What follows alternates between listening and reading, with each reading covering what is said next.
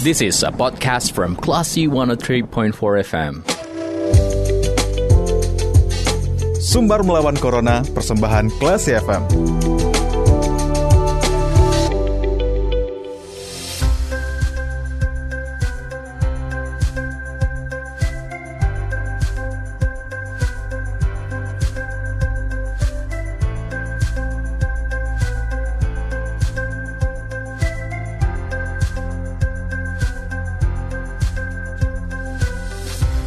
103,4 kelas FM bersama kita lawan Corona. Kelas People, saatnya Anda mencermati program Sumbar Melawan Corona masih bersama saya Faris Hardana.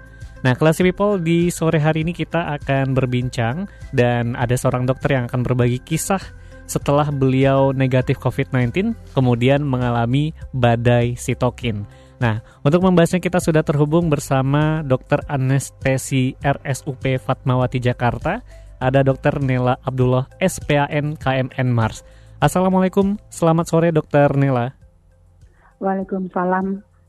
Gimana selamat sore Paris. Gimana kabarnya dok?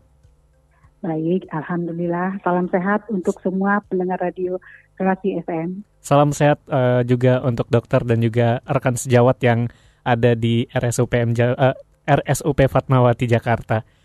Amin, terima kasih. Uh, juga terima kasih dokter sudah meluangkan waktu uh, di tengah-tengah kesibukannya di sore hari ini dokter. Dengan senang hati Faris. Alhamdulillah. Nah kalau boleh tahu dokter, uh, kita berbincang tentang dokter yang sempat dulunya terpapar COVID-19. Ini uh, kapan dokter terjadinya? Saya kena uh, virus corona itu akhir November 2021. Hmm. Eh 2020. 2020, ya. Nah, eh, apa sih dok gejala yang sempat dokter rasakan ketika eh, terpapar COVID-19? Oke, jadi sebelum kita ngomong gejala, pertama-tama saya mengucapkan terima kasih nih, senang sudah kasih kesempatan untuk berbagi. Hmm uh, sebetulnya tujuan saya di sini berbagi bukan untuk menakut-nakuti, yeah. tapi adalah untuk memberitahu masyarakat bahwa ini memang benar-benar terjadi. Saya aja yang dokter anestesi yang bekerja sesuai dengan uh, protap kesehatan dengan baik dan benar tetap saja terpapar kalau kita sedikit lengah dengan prokes ini. Jadi ini mungkin yang sangat penting saya sampaikan pada sore hari ini. Hmm. Jadi waktu itu saya eh, awal awal kisahnya sebetulnya sehari-hari saya itu disiplin, disiplin yeah. dengan uh, protap kesehatan. Tapi saat itu kebetulan ini acara keluarga. Acara keluarga saya jalan bareng sama anak saya hmm. karena anak saya ini adalah uh, relawan di Wisma Atlet. Hmm. Relawan di Wisma Atlet. Waktu itu dia pulang, dia memang pulang dengan kondisi sehat.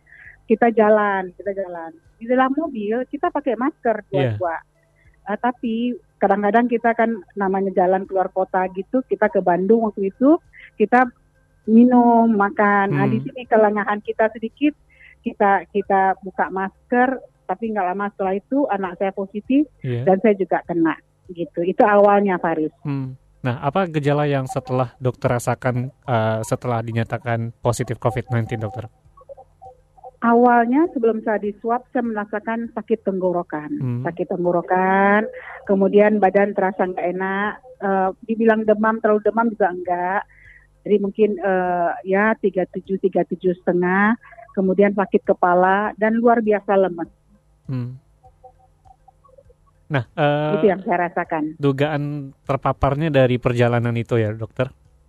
Ya, saya hmm. tertular dari anak saya ternyata. Hmm, baik.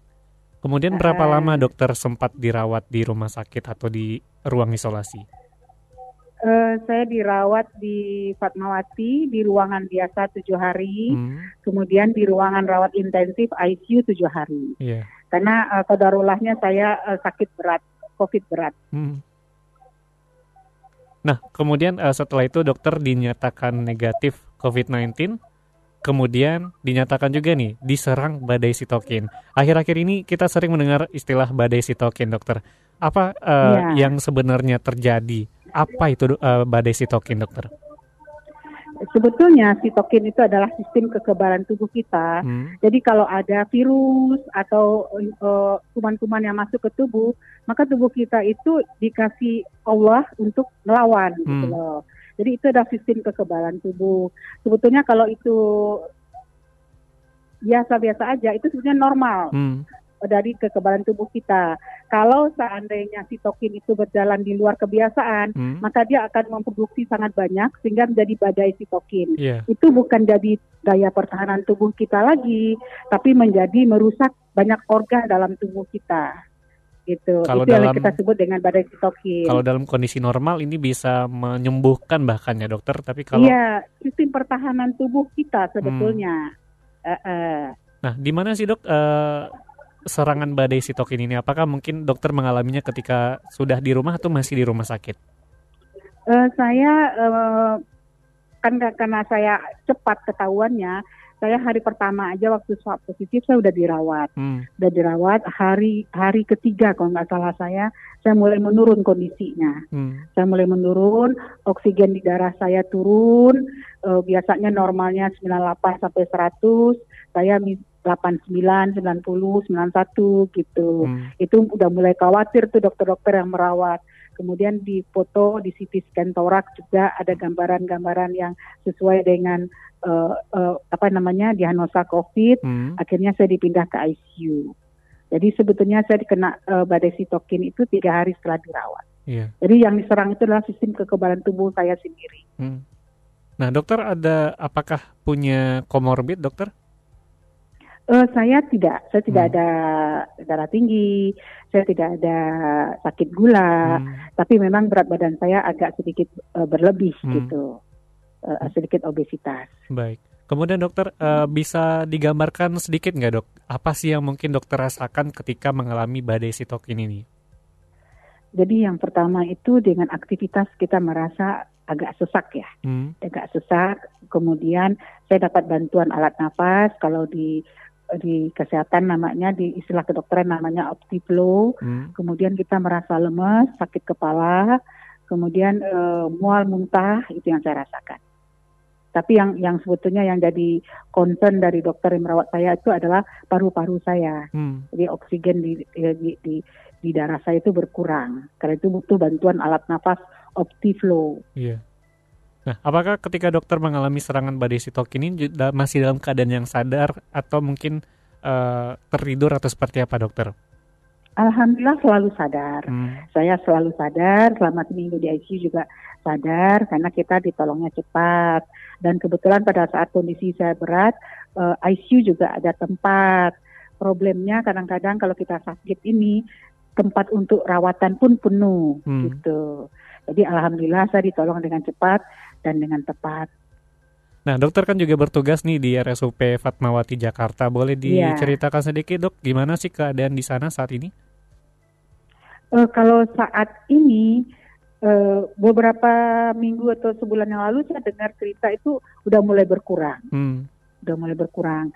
Tapi baru-baru ini baru saja saya dapat info itu udah mulai banyak lagi yang dirawat di, di, di baik di ruang rawat ICU maupun dirawat uh, namanya high care, hmm. kemudian ruang rawat biasa itu udah mulai lagi. Mungkin karena pengaruh liburan panjang ya. Iya betul.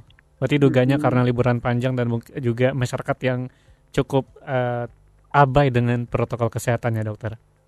Iya, jadi sebetulnya 3M itu sangat penting. Hmm. Walaupun kita pakai masker, kalau bisa waktu saat makan pun kita gantian buka maskernya. Hmm. Kemudian saat berfoto, berfotolah dengan masker. Itu mungkin sebetulnya hal-hal yang kecil yang bisa jadi sumber penularan. Hmm. Nah, nah, terakhir dokter, apa sih pesan yang mungkin bisa dokter sampaikan, berikan buat kepada masyarakat, eh, kepada kelas people yang sedang mendengarkan saat ini yang mungkin juga masih cukup abai dengan uh, protokol kesehatan yang bahkan masih ada juga saat ini masyarakat yang tidak percaya dengan adanya COVID bahkan mengatakan uh, rumah sakit mengcovidkan pasien dan lain sebagainya dokter. Tentu ini tidak kita harapkan dan mudah-mudahan pembicaraan kita ini jadi edukasi juga buat masyarakat. Ya, jadi himbauan bagi pendengar uh, klasi FM sebetulnya COVID ini bisa kita lawan, bisa kita cegah gampang hanya dengan 3M. Apa itu 3M? Selalu pakai masker, mencuci tangan dan jaga jarak. Itu aja sebetulnya kuncinya. Hmm. Kemudian istirahat yang cukup dan jaga asupan makanan, asupan gizi makanan. Jadi tidak tidak dilarang sebetulnya masyarakat beraktivitas asal jangan lupa masker. Hmm. Tapi maskernya dipakai dengan benar. Hmm. Jangan hanya di dagu atau hanya di leher. Kenapa masker? Karena virus ini masuknya ke tubuh kita lewat mulut dan hidung. Yeah gitu. Bahkan ada yang mengatakan lewat mata juga ada ya dok. Kata seperti apa dok? Sedikit, sedikit, hmm. sedikit, sedikit. Iya, terutamanya lewat hidung dan mulut. Hmm. Baik. Baik, terima kasih Dokter Nila sudah berbagi bersama kelas FM di sore hari ini. Ya, sama -sama. Perbincangan tentang pengalaman dokter ketika mengalami atau positif COVID-19, kemudian juga mengalami badai sitokin dan alhamdulillah saat ini sudah uh, negatif dan sudah ber bisa beraktivitas kembali seperti biasa. Ya, alhamdulillah. Baik. Terima kasih juga Klasi FM yang sudah memberikan kesempatan kepada saya untuk berbagi. Mudah-mudahan pendengar uh, radio Klasi FM bermanfaat dan jadi yakin bahwa memang corona itu bisa dicegah, bisa dihindari asal kita disiplin dengan protap kesehatan. Insya Allah.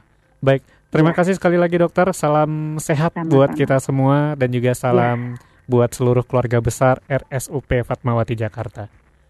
Ya, salam sehat Faris juga buat keluarga Klasi FM dan terutama bagi pendengar radio Klasi FM agar uh, selalu sehat. Amin. Assalamualaikum warahmatullahi wabarakatuh. Waalaikumsalam warahmatullahi wabarakatuh. Baiklah si people, itu perbincangan kita bersama Dr. Anestesi RSUP Fatmawati Jakarta, yaitu Dr. Nela Abdullah SPAN KMN Mars dalam Sumbar Melawan Corona. Dan saya Faris Sardana, kita ke program selanjutnya.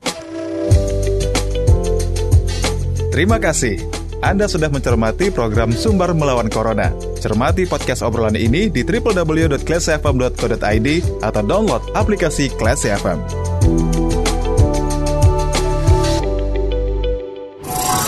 This is a podcast from Classy 103.4 FM.